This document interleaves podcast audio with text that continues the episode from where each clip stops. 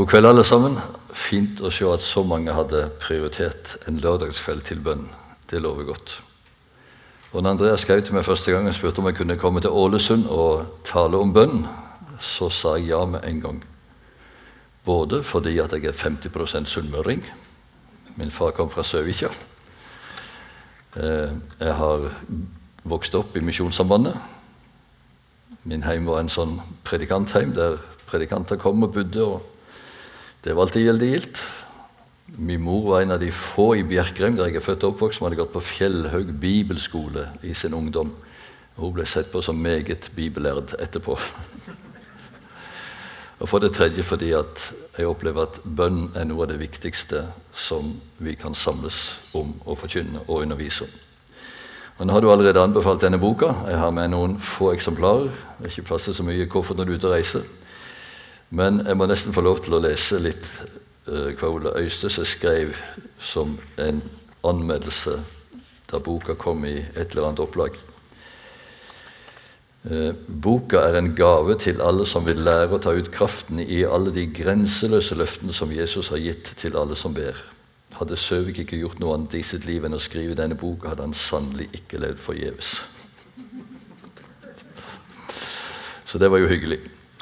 Men vi skal altså første økt nå tale om hva vil det si å be. Og Dere har fått ut et, ark, og nå kan dere velge om dere vil følge med eller uh, ta det med hjem og slå opp bibelstedene. For det er viktig å lære hva Guds ord sier om bønn. Og Noen syns også det er godt å se når det nærmer seg slutten, og det kan også være en gledesgrunn. Men må begynne med å si at Jesus var en bønnens mann. Spesielt Lukasevangeliet forteller mange ganger at Jesus ba. Da han ble døpt, så står det at mens han ba, åpnet himmelen seg, og Den hellige ånd kom nedover ham som en due. Og Så begynte han sin gjerning med 40 dager i bønn og fast. Og Så forteller Lukas at ofte dro Jesus seg tilbake til ensomme steder for å be der. Og En gang han kom tilbake fra en sånn bønnestund, så sier disiplene, 'Herre, lær oss å be'. De skjønte nok at det var en forbindelse mellom Jesu hva skal vi si, skjulte tjeneste sammen med sin himmelske far og hans kraftfulle tjeneste. Og jeg tenker, Når Jesus, Guds enbårne sønn, var så avhengig av å be, hvor mye mer trenger ikke vi det? Nå er det mange som opplever at bønn er en byrde og et ork, og har ofte vond samvittighet for ja, vi skulle jo bedt mer. Og Da syns jeg det er godt med denne definisjonen som en som heter Rosalind Rinke har gitt oss. Bønn er en kjærlighetssamtale med Jesus. En kjærlighetssamtale. Og Det sier allerede med en gang at bønn er toveiskommunikasjon. Eller en annen definisjon bønnen er barnets fortrolige fellesskap med sin himmelske far. Eller samtale med sin beste venn Jesus. Hele tiden et kjærlighetsforhold. Det er et privilegium, en glede, ikke et ork. Og det ligger allerede i dette uttrykket 'å be i Jesu navn'. Da Jesus tok farvel med sine disipler siste kvelden før han skulle lide og dø, så holdt han en lang tale som begynner i slutten av Johannes 13, går gjennom hele kapittel 14, og 15 og 16, og slutter av med en lang bønn i kapittel 17. Og alt det som Jesus sier denne kvelden, det er så å si hans åndelige testamenter. Og Det er så viktig at vi kunne nesten sette strek under hvert eneste vers. Men hva er det viktigste av alt? Sju ganger gjentar Jesus i den talen at nå skal disiplene be. Nå skal de få lov til å be. Nå skal de få be i hans navn.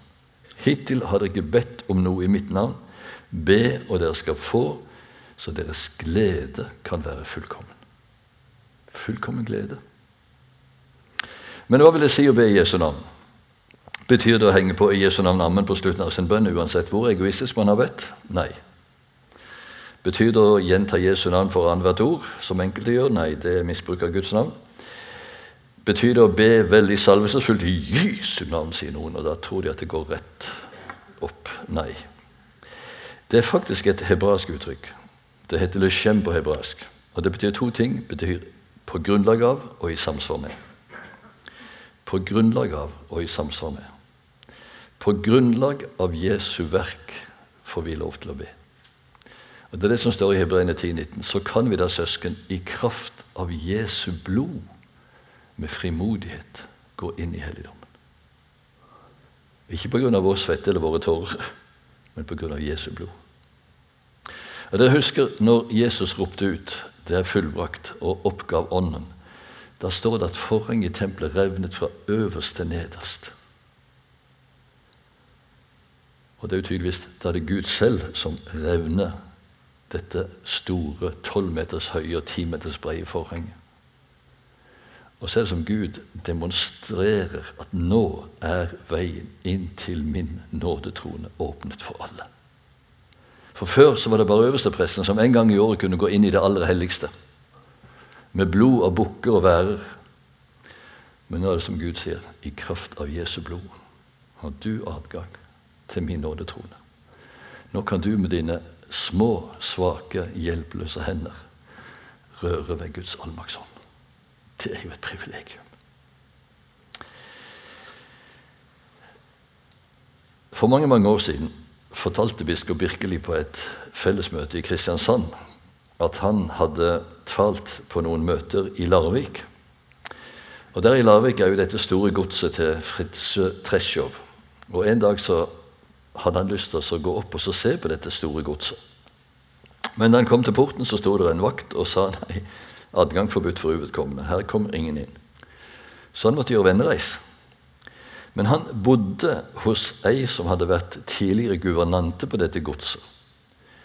Og Da han kom tilbake, igjen, så sto det en stor, flott bil ut forbi, og det var sønnen til Fritzøe, som var på besøk hos sin gamle guvernante. Og Så forteller biskopen om sitt mislykka besøk, og så sier sønnen Men kjære deg, du kan få bli med meg, så skal du få se alt du vil. Og En halv time etterpå så var ved samme porten, og vakten åpnet opp porten uten å protestere. Hvorfor det, spurte Birkeli i talen sin. Jo, fordi jeg kom sammen med sønnen. Det forandret alt. Og til slutt så fikk jeg hilse på far hans. I kraft av Jesu blod har vi adgang til Faderen sammen med Jesus. Men så betyr dette 'løsjem' også i samsvar med. Og det betyr i samsvar med Guds vilje. Og det står i 1. Johannes 5, 14-15, så har vi da søsken Nei, dette er den frimodige tillit jeg har til ham. At dersom vi ber om noe etter hans vilje, da hører han oss. Og dersom vi vet at han hører oss, hva vi enn ber om, underforstått etter hans vilje, da vet vi at vi har de ting vi har bedt om. Nå er det vel ikke så mange av dere som husker når vi hadde sjekkhefter. Men det var faktisk en betalingsmetode i forrige årtusen. Og Det som da var viktig, det var jo at det var rett underskrift på sjekken. Det spilte egentlig ingen rolle hvordan du la frem sjekken i skranken eller betalte på butikken, bare det var riktig underskrift. Og jeg tenker at På en måte så er bønnen som et, sånn et himmelsk sjekkhefte der alle sjekkene er underskrevet med Jesu navn. Og de gjelder i himmelens bank. Men for å bli i bildet så kunne vi kanskje si at om du har en sjekk der det står 100 kroner på, så kan ikke nytte å prøve å heve 1000. Eller om det står 1000, så kan ikke prøve å heve 10 000. Det er det som står på sjekken, det beløpet du får lov til å heve. Og Derfor er det så viktig at vi ber i samsvar med Hans vilje, som ga oss bønnens sjekkhefte. Ja, men Står det ikke et eller annet sted i Bibelen 'be om hva dere vil, og dere skal få det'? Jo, det står i Johannes 15, 7. Men det er alltid lurt å lese bibler i sin sammenheng. Og hva er sammenhengen? Dersom dere blir i meg, og mine ord blir i dere, da be om hva dere vil, og dere skal få det. Og det er noe helt annet. For hvis vi blir i dette ordet, så blir dette ordet mer og mer i oss, slik at vi mer og mer ønsker og vil det Han vil. Og da ber vi etter Hans vilje. Og så er det også viktig når vi ber, at vi også tar tid til å lytte. Jesus, hva ligger på ditt hjerte? Slik at Den hellige ånd kan minne oss om hva vi skal be om etter Hans vilje. Nå er det ikke så veldig stor risiko om vi ber om noe som ikke er etter hans vilje, for da gir han oss ikke det. Så det er ingen skade skjedd. Men jo mer vi kan tune inn på Guds vilje, jo mer opplever vi å få bønnesvar. Og så er det en bønn som Jesus alltid hører, og det er bønnen Kyrie eleison. Herre, miskunne deg over meg. Det var det han ropte, han blinde Bartimeus, som satt ved Jeriko og tigget. Og så hørte han at Jesus kom forbi, og så satt han i å rope Kyrie eleison'. Herre, miskunn deg over meg. Og Folk prøvde å få han til å tie, men han ropte bare enda høyere. Og Jesus stanset og sa, 'Før han gikk til meg. Hva vil du jeg skal gjøre for deg?' Herre, at jeg må få syn igjen. Og så får han syn igjen, så sier Jesus, 'Din tro har' Det kan oversettes både 'helbredet deg' eller 'frelst deg'. Begge deler. Og Det tror jeg også stemmer helt med dette som står i 1. Tim 2,4. Gud vil at alle mennesker skal bli frelst og lære sannheten å kjenne. Så når vi ber om frelse for et menneske, så kan vi i alle fall være sikre på at da ber vi etter Guds vilje. Og Det står i Romene 10,13 at hver den som påkaller Herrens navn, skal bli frelst. Jeg har skrevet en liten bok som jeg ikke tok med, for dette var ikke et evangeliseringsseminar, det var et bønneseminar. Men den boka heter 'Veien hjem'. Og Det er en enkel bok som rett og slett bare går gjennom Johannes 3, 16 og forklarer hva det betyr. Men jeg har tre intervju med tre forskjellige personer. Ei ung jente, en voksen mann og ei godt voksen dame. Alle forteller hvordan de kom til tro. Men den første er i grunnen den festligste. For hun som heter Sandy, hun var helt fjern for alt det som hadde med kristendom å gjøre. Men hun hadde det ikke godt. Hun prøvde alle mulige ting. Gestaltterapi, yoga, meditasjon, reise, trim, gymnastikk. Alt mulig for å få fred i sitt indre. Men ingenting nytta. Så ble mora frelst, og faktisk var jeg litt medskyldig i det. For jeg hadde holdt et foredrag om Torino-klede. Og der var det ei som ble frelst etterpå, og hun vitna for Moses som ble frelst. Og så kommer mora til Sandy på besøk til sin datter og fortelle hva som har skjedd. Jeg har blitt en kristen. Og Først forteller Sandy at hun ble sint. Hun ikke høre noe sånt tull. Men da mor hadde gått, så satt hun igjen med en sånn underlig følelse. Mor er jo blitt totalt forvandlet. Og Det siste mora sa før hun gikk, Sandy, du har prøvd alt uten å få fred. Kan du ikke prøve Jesus også? Så forteller Sandy jeg tok meg en dusj, og så sa jeg der i dusjen Jesus, hvis du fins, kom inn i mitt liv og gjør det nytt. Og så gjorde han det. Og så ble jenta forvandlet og fikk fred. Og nå har vi gått på bibelkurs i Frikirka. Jeg har hatt henne som elev. Fantastisk å se hva som skjer når et menneske for alvor påkaller Guds navn. Da blir de frelst. Den bønnen en etter Guds vilje. Bønn er også synsbekjennelse. Og Mange av disse bønneformene henger egentlig sammen med hvem Gud er. Og synsbekjennelse henger først og fremst sammen med at Gud er en hellig Gud. Gud er en hellig Gud. Da Jesajas fikk møte Gud i tempelet, fikk en åpenbaring av hvem Gud er. Jeg tenker at han kanskje så han bakfra, for kappen Slepet på kappen hans fylte hele tempelet. Så tenker han så han kanskje bakfra. Men nok av det Serafer fløy rundt han, og de ropte 'Hellig, hellig, hellig er Herren Sebot'. Og der i Guds hellighetsnærhet, der ser Jesajas sin synd. Ved meg, sier han. Det er ute med meg. Jeg er en mann med urene lepper. Jeg bor midt blant et folk med urene lepper. Og mine øyne har sett Herren herskarenes Gud. Og Det er nettopp i møte med Guds hellighet at vår syndighet avsløres. For mange år siden var jeg i Korea og var oppe på et av disse bønnefjellene. Jeg har vel aldri noen gang opplevd Guds hellige nærvær så sterkt. Og Der på dette bønnefjellet var det mange sånne små bønnehytter du kunne krype inn i. De var ikke høyere enn som så, så du måtte faktisk krype på kne for å komme inn. Og Så var det bønnebenker, og så var det bønnestier, og så var det et bønnekapell. og Masse steder for bønn. Det var en 3000 mennesker der oppe den dagen. Men jeg krøp inn i ei lita hytte. Og Det var ingenting annet enn en matte på gulvet og et malt kors på ene veggen.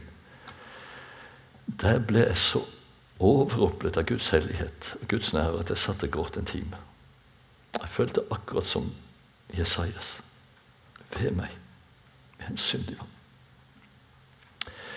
Og jeg tror I dag så må det også forkynnes at Gud er ikke bare kjærlighet. Og det er ikke bare, det er jo det som er Guds vesen først og fremst, at Gud er kjærlighet. Men det betyr ikke at han aksepterer deg akkurat slik som du er, som det ofte forkynnes i dag. Guds kjærlighet må innholdsbestemmes.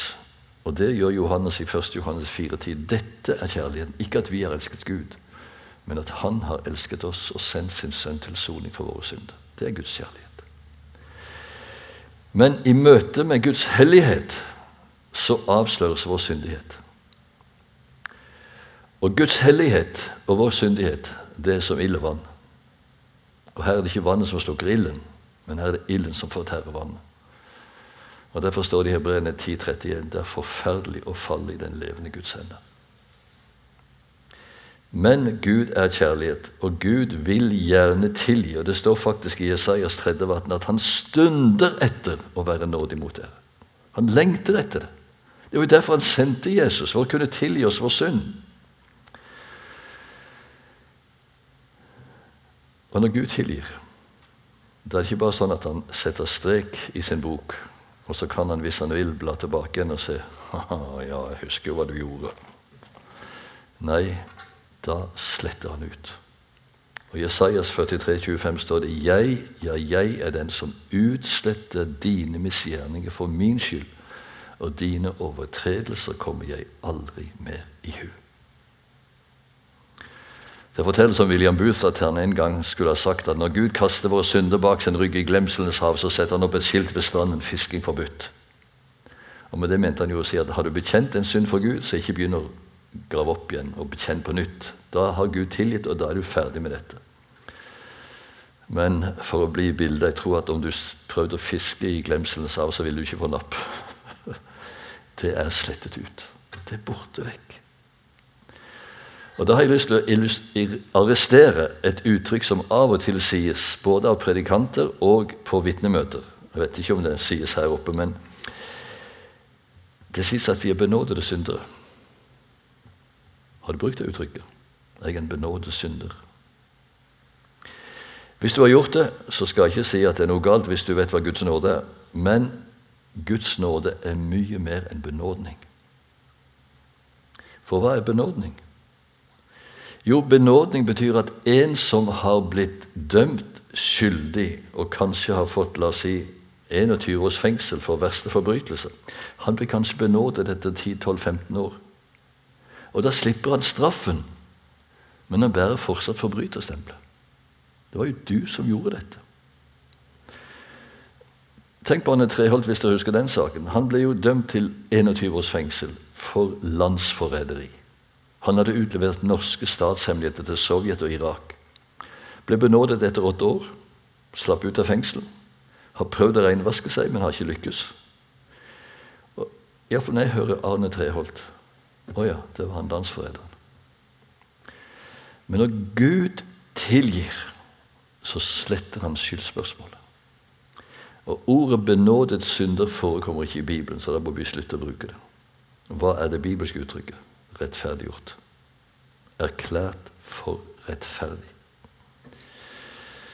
Og I Pontoppidans forklaring til Luthers lille katekisme så er det et spørsmål jeg tror det er nummer 496. Der spør Pontoppidan hva er rettferdiggjørelsen.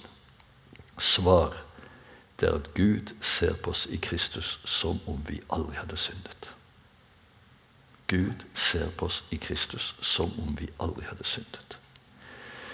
Så for han er vi rene, rettferdige og himmelen verdig. Og om ikke det var nok, så tar han bolig i oss ved sin ånd. Og vi blir født på ny, og vi blir Guds barn. Og arvinger til himmelens herlighet. Det er ikke småtteri, dere. Så er det så viktig at vi lever i lyset. Lever i et oppgjort forhold både til Gud og mennesker.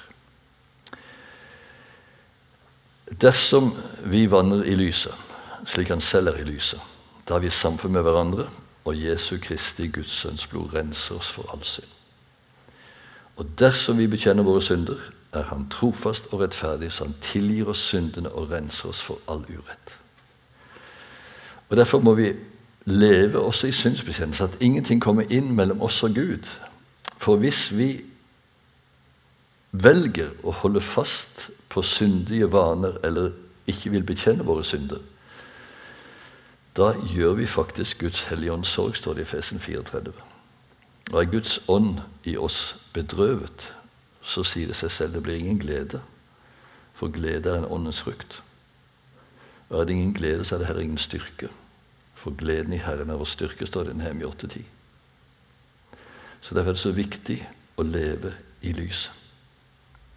Og det er der, i Guds nærhet, i Guds ord, at vi også ser hvem vi er. Jeg har av og til tenkt på når vi var små, så var det veldig stas å reise ut på landet og besøke min onkel og hoppe i høyet.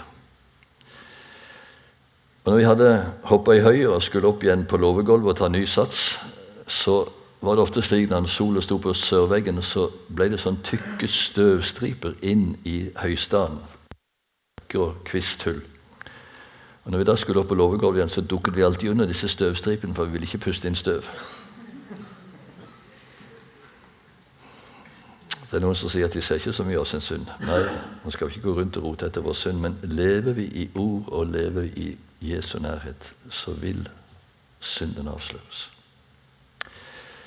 Og når vi da får bekjenne vår synd, da kommer lovprisningen og takken og tilbedelsen. Og det er først og fremst et gjensvar på Guds frelse og tilgivelse. Jeg vet ikke hva David hadde rota seg opp i om det var historien med Batsab eller andre ting, men han sier at han ventet og håpet på Herren. Og han dro meg opp av fordervelsens grav, opp av den dype gjørmen. Og han satte mine føtter på fjellet og lot meg gå med faste skritt. Og han la i min munn en ny sang, en lovsang for vår Gud. Der begynner det. Der begynner det. Kun de kan den himmelske lovsang i stemme hvis sjel har fått nåde av Gud, synger vi. Og Så ser vi videre at det er Guds godhet, ikke vår gledesfølelse, som er grunnen for vår fortsatte takk og lovprisning. Det står aldri noen gang i Bibelen 'Pris Herren når du føler det godt'. Men du verden hvor mange ganger det står 'Pris Herren, for Han er god'. Hans miskunn var til evig tid. Og Guds kjærlighet, Guds storhet, Guds allmakt, Guds nåde, Guds omsorg osv., osv. Det er grunnen til opprisning. Og faktisk, om du har en dag der du ikke føler det så godt, så ved å begynne å takke Gud for alt det du har å takke Han for, så vil du kanskje faktisk føle det godt etter hvert også. Og Det er kanskje grunnen til at det står i 1. test 5,18 at vi skal takke Gud under alle forhold. Og Paulus, som skriver dette, han praktiserte det selv. Vi har jo en fantastisk flott beretning i apostelgjerningen 16. Paulus hadde først prøvd å dra nordover mot Galatia og Betynia, men Den hellige ånd ga dem ikke lov, står det bare. Jeg vet ikke hva som skjedde, men det står kun Den hellige ånd ga oss ikke lov. Så har Paulus et syn eller en drøm om natten. Han ser en mann som sier 'Kom over til Makedonia og hjelp oss'. Neste dag drar de over til Europa og går til et bønnested nede ved elv. og Der er noen kvinner samlet til bønn. Og Lydia, som hun som leder disse bønnemøtene, heter, hun åpner sitt hjerte og tar imot Jesus. Og inviterer dem til å bo i sitt hus, og alt så jo fantastisk lovende ut. Men en dag på vei til bønnestedet og Det var ikke noe synagoge i Filippe, for det var nærmest en militærforlegning. Der var det offiserer som slo seg ned når de var pensjonert. Så de samler seg altså ved elven ved et bønnested. Da er det ei jente som hadde en spådom sånn, som driver og roper og skriker etter Paulus. Og Så blir Paulus sint og driver ut den ånden. Og Da blir jo eierne av denne slavejenta sinte, for dermed hadde de mista inntekten på at hun kunne spå. Så Paulus og Silas de blir hudstrøket og kastet i fengsel uten lov og dom. Og der sitter de. Mørkt, sikkert fuktig. Hender og føtter lenket i en stokk. Hva gjorde de da? Jeg syns det er så fantastisk. Ved midnattstid holdt Paulus og Silas bønn og sang lovsanger til Gud. Hadde det vært klagesanger, så skulle jeg forstått det. Men lovsanger. Ikke fordi de hadde det godt med disse blodige, forslåtte ryggene. Ikke fordi det så lyst ut, det var sikkert køla mørkt. Men de visste Gud er god. Det er han uansett. Derfor sang de lovsanger. Og Det som skjer når vi takker Gud, det er at blikket vårt løftes opp fra de problemene som gjør oss mismodige, opp til Herren, slik at vi blir frimodige. Så skal vi også få lov til å be for egne behov. Og Der sier jeg at ingenting er for stort for Guds allmakt, og ingenting er for lite for Hans kjærlighet. Vi kan få be om alt. Og det er ikke en lavere form for bønn, som noen vil påstå. Nei, det er nettopp barnets fortrolige fellesskap med sin himmelske far. Og det er Jesus selv som sier 'be, så skal dere få'. 'Let, så skal dere finne'. 'Bank på, så skal det lukkes opp for dere'. Og så sier han 'når selv dere som er onde, vet å gi deres barn gode gaver', hvor mye mer skal ikke den far dere har i himmelen, gi gode gaver til den som ber ham? Så vi skal få lov til å be om alle ting. Og Et av mine favorittvers det er jo Filippene 4,6. Vær ikke bekymret for noe, men la alt som ligger der på hjertet, komme fram for Gud. I påkallelse og bønn med takk. Med takk. Det betyr ikke at vi skal takke først når vi får bønnesvar, men idet vi legger fram våre bønnebegjær, så skal vi takke Gud for at han vet, han kan, han vil. Og Da flytter du blikket fra problemene opp til problemløse. Jesus inviterer oss til å komme. Det er ikke det bryderi for ham. Kom til meg, alle dere som strever og bærer tunge byrder. Jeg vil gi dere hvile. Det er noen som tenker som så at ja, men vi kan da ikke bry Gud om praktiske småting. Jo, det kan vi veldig godt. Jeg hørte om to som traff hverandre og sier nei, nå er det virkelig så ille at jeg vet ingen andre enn å be Gud om hjelp. Og stakkars deg, sånn er det så ille. Jeg tror hvis vi lærer oss til å snakke med vår himmelske Far om de små ting, og får oppleve Hans omsorg i hverdagen, så våger vi også be om større ting. Jeg må si at ja, jeg er en rotekopp, det må jeg bare tilstå og innrømme. Og du verden alle de gangene jeg har rota bort nøkler og bøker og brev og you name it, og lett og lett og lett, og må til slutt bite i det sure eplet og si 'Kjære Jesus, du vet hvor disse nøklene er. Vis meg det.' Og så er det under et minutt som regel, så har jeg nøklene. Og det kan være på sånn underlige steder. Jeg husker en gang jeg hadde lagt nøklene fra meg i en ringperm og satt den i hylla, og der lå nøklene. Og det var til og med sånn universalnøkkel til kirka. Og krise. Hvis den var borte, så måtte alle låsene skiftes. Og jeg lette overalt. Og så kom dagen da jeg måtte bekjenne at jeg hadde tulla bort universalnøkkelen. Jeg sa, 'Kjære Jesus, jeg har ikke råd til å betale skifte for alle nøklene, alle låsene.' 'Du vet hvor denne her nøkkelen er. Vis meg det, kjære Jesus.' Så ringer telefonen så er det en som spør et eller, annet, et eller annet som sto i den ringpermen. Og jeg tar ringpermen ut av boken. Der datt nøkkelen ut. Tilfeldighet? Ja, ja. Men disse tilfeldighetene inntreffer mye oftere når jeg ber.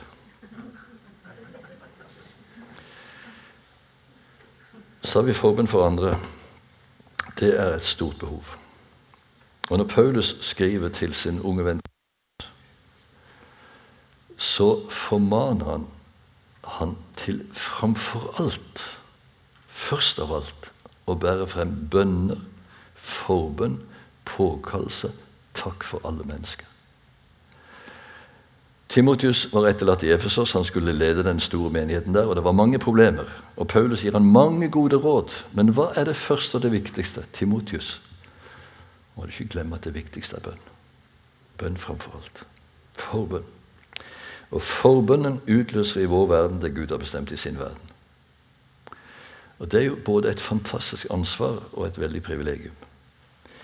Og Vi lever på en måte i et spenningsfelt mellom på den ene siden be, så skal dere få. Dere har ikke fordi dere ikke ber. Og hvor nesten sagt, vår bønn og Guds inngripen krysser hverandre, det tror jeg ikke er noe gitt å svare på. Men én ting er i alle fall sikkert at når vi ber, så skjer det ting. Og jeg tror at en sann bønn opp til Gud har ofte først kommet ned fra Gud. Og Derfor er det også så viktig når vi ber, at vi også kan lytte og spørre Herre, hva ligger på ditt hjerte? Og Når du får en sånn minnelse, så be over dette.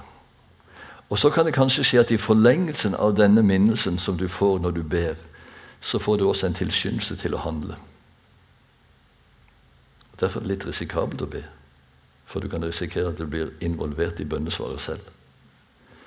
Men jeg har skrevet mange eksempler i denne boken på bønnesvar. Der Gud altså ga en tanke, minnelse, en ledelse. Og så fikk jeg handle på den.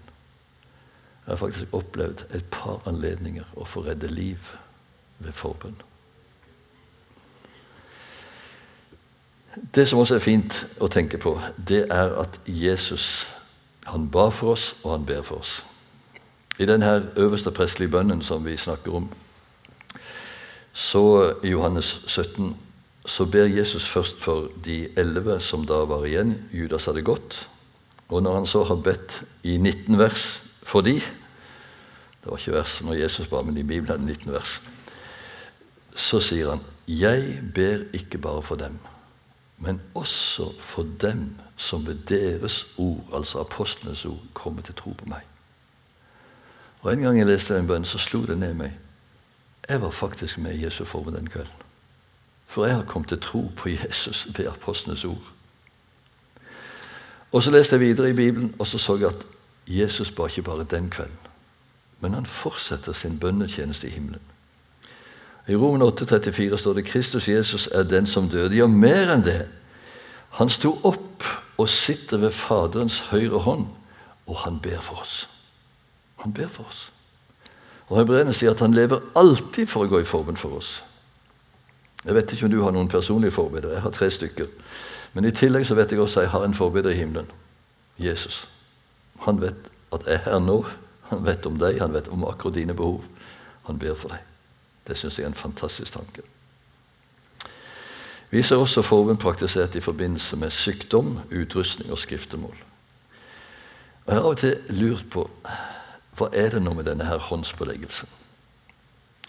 Ja, Jesus lovte hendene på de syke. Og jeg tenker, Det måtte jo vært fantastisk for de spedalske som måtte holde seg langt vekke, og kom noen i nærheten, så måtte de rope 'uren, uren'.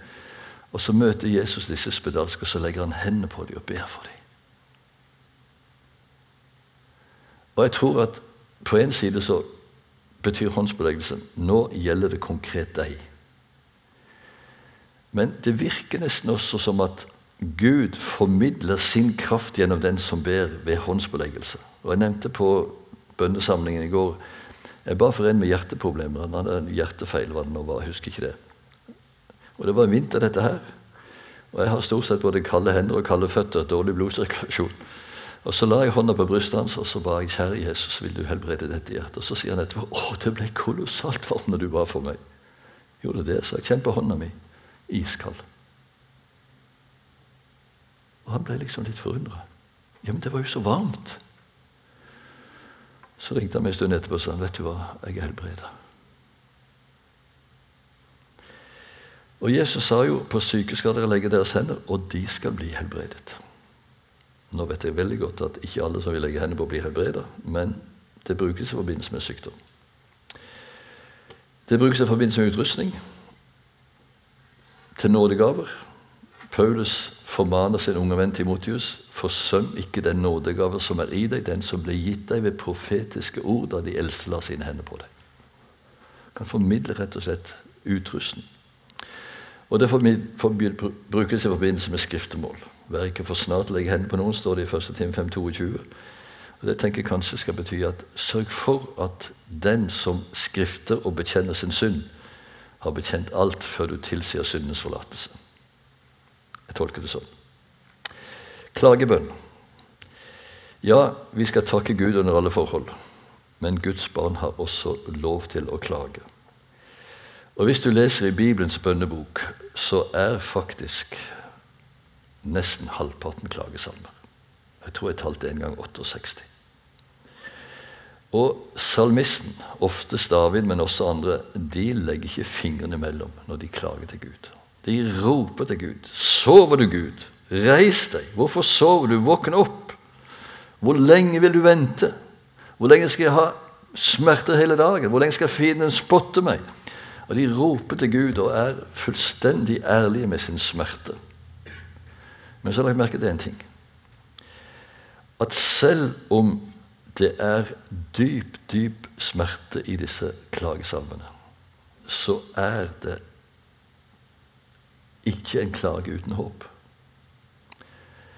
For når vi ber til den mektige Gud, så kan ikke klagen være det siste. Og Derfor ser vi ofte Ta et eksempel med Salme 13, som begynner med den dypeste smerte. Hvor lenge, Herre, vil du glemme meg for alltid? Hvor lenge vil du skjule ansiktet for meg? Hvor lenge skal jeg ha uro i sjelen og sorg i hjertet hele dagen? Hvor lenge skal fienden ha makt over meg? Og sånn fortsetter det. Men så til slutt Men jeg setter min lit til din miskunn. Mitt hjerte skal juble over din frelse. Jeg vil synge for Herren, for Han har gjort godt mot meg. Og til og med Jesus, da han hang på korset, brukte han salmene. Salme 22. Min Gud, min Gud, hvorfor har du forlatt meg? Og jeg har vært i situasjoner i livet der det har vært så vanskelig at jeg ikke har funnet ord til å uttrykke min smerte. Det hadde vært utrolig godt å kunne be klagesalmene og samtidig kunne takke Gud allikevel. Igjen med salmistens ord. Og Legg merke til salme 22, de 21 første versene. Det er ren og skjær klage. Og så 22 utover. Midt i forsamlingen vil jeg love deg. Og Der ligger en hemmelighet. Vi har lov til å klage, og det er like mye tro i klagen som i tilbedelsen. Men klagen er ikke uten håp, fordi vi ber til en mektig Gud. Og Det som også er godt å vite, er at han som vi ber til å klage til, Jesus, han forstår, for han er prøvd i alt i likhet med oss, dog uten synd. Så han blir ikke overrasket. Det står til og med at han er prøvd i angst. Nå er mitt hjerte grepet av angst, sier han. Men hva skal jeg si? Far, frels meg fra denne stunden. Nei, til denne stunden har jeg kommet. Og Legg merke til at Jesus midt i sin angst kaller Gud for far. Og kanskje du har slitt med angst. Du er like mye Guds barn for det. Du skal få lov til å si 'far'. Til slutt bønn uten ord. Har dere lagt merke til hvor mange ganger det står i Bibelen 'Vær stille for Herren og vent på Ham'? Vær stille for Herren. Midt i vår stressede tilværelse, så tror jeg det er mer viktig enn noensinne at vi kan noen gang bare sette oss ned innenfor Herrens ansikt. Og du behøver rett og slett ikke si et eneste ord. Og Det tenker jeg kanskje er hjertesbønn. Og Det er kanskje det som ligger i 1. test 5.17 når det står 'be uavlatelig'. Be stadig. Og Det betyr jo ikke at vi skal gå med folde hender og kikke opp i himmelen. Da kan du gå på en lyktestolpe, og det kan være ganske ille. Men det betyr at du skal hele tiden på en måte ha hjertet vendt mot Herren. Og vite at du når som helst kan sende opp et bønnesukk, en takk. Gud er nær. Og så står det om bønn i ånden i Romen 28, 26, Og legg merke til stor Å. Det betyr Den hellige ånd. Og selv Paulus, denne bønnens mann, som begynner alle sine brev med å forsikre leserne om at han ber for dem, han sier vi vet ikke hva vi skal be om slik som vi skal. Men Den hellige ånd kommer oss til hjelp i vår svakhet og går i forbønn for oss med sukk som ikke kan uttrykkes i ord. Så vi har faktisk ikke bare en forbeder i himmelen, vi har faktisk en forbeder her også. Og Dette verbet 'å komme til hjelp' på gresk det heter noe så fint som 'synd anti lambanomai'. Og Det er ganske oppbyggelig. For synd betyr 'sammen med'. Anti betyr 'i stedet for'. Lambanomai betyr å ta i med en hånd. Så når vi ikke vet hva vi skal be om slik som vi skal, så kommer Den hellige ånd sammen med oss og bærer frem våre bønner. Og Han som ransaker alle ting, enda til dybden i Gud, det han ber om for de hellige, at det er Guds vilje står det. Han, oss, ransaker også dypt i vårt hjerte og vet hva vi trenger til, selv om vi ikke kan uttrykke det i ord. Og om våre ord er stotrende og stammet og syntaksen er dårlig, så ordner han det også og han ber etter Guds vilje for oss. Men så står det også bønn med ånden liten å. Og bønn i ånden med stor å står i motsetning til bønn i kjødet. Men bønn med liten å står i motsetning til å be med forstanden. Og Paulus sier i 1. Korinten 14.: Jeg vil be med ånden, jeg vil be med forstanden. Jeg vil lovsynge med ånden, jeg vil lovsynge med forstanden. Og Det Paulus der taler om, det er rett og slett bønn i tunger. Og han takker Gud for at han taler mer i tunger enn alle, ønsker at alle gjorde det, og konstaterer at alle, ikke alle gjør det. Men jeg tror kanskje langt flere kunne gjøre det. Det tror jeg du skulle be om å få den nådegaven. Å be i, med Ånden. For jeg tror at den gaven på en måte utvider vårt bønnespråk. Både i høyde og dybde. Jeg vet ikke om du noen ganger har opplevd Det er så salig at alle dine norske ord de ble for platt. Jeg lover deg, jeg takker deg, jeg priser deg og opphøyer deg. Å, jeg skulle ønske jeg kunne si det enda sterkere. Gi uttrykk for hvem du virkelig er, Gud. Og så kommer Ånden oss til hjelp, og så får vi lovsynge med Ånden. Ord som Ånden gir. Eller kanskje nøden er så stor at du vet ikke hva du skal be om slik som du skal. Og du sier bare 'Jesus, Jesus'. Og det er også en bønn med Ånden, egentlig. Men så gir altså Ånden en gave til å uttrykke de usigelige sukk som ikke kan uttrykkes med ord. Jeg fikk denne gaven for mange år siden, og jeg må si at jeg følte nesten den var litt oppskrytt. Og noen av mine venner som hadde skrytt så veldig hvor salig det var å i tunga, men det syntes jeg ikke var så mye salig. Og jeg har egentlig bare brukt den få ganger i høyden, men mange ganger i dybden. Jeg husker spesielt én gang, mange år siden. Bodde i Oslo. Så ble jeg ringt opp av en mor fra Kristiansand. Kan du gå og besøke min datter, eller vår datter, på Radiumhospitalet? Hun ligger for døden. Og denne dattera kjente jeg. Hun hadde gått i studentlaget da jeg var skolelagsprest der nede. Og Hva skulle jeg si til en sånn forespørsel? Hva sier du til ei ung dame som ligger for døden og kanskje bare et par uker igjen å leve? Jeg følte det var en helt umulig oppgave. Så jeg satte meg ned og bare utøste mitt hjerte i tunger til jeg kjente en sånn fred. Dette er ikke mitt ansvar, det er ditt ansvar, Herre. Så jeg reiste til Radiumhospitalet. Kom inn på rommet hennes, der lå hun i senga, var gul og dødsblek og tynn og merket. Var tydeligvis at hun hadde ikke lenge igjen. Og Det var fryktelig vondt å se. Den friske, unge jenta som jeg kjente, var bare et skygge av seg sjøl. Men før jeg hadde fått sagt en eneste ting, så sier hun å, Odd, det var så godt du kom. Nå må du fortelle meg alt du vet om himmelen. og Jeg satte meg ned og prøvde så godt jeg kunne å fortelle om hvordan det er i himmelen. Både hva som skal være der, og hva som ikke skal være der. Og når jeg var ferdig, så sier hun Å, dette var godt. Nå gleder jeg meg. Og jeg fikk to uker til.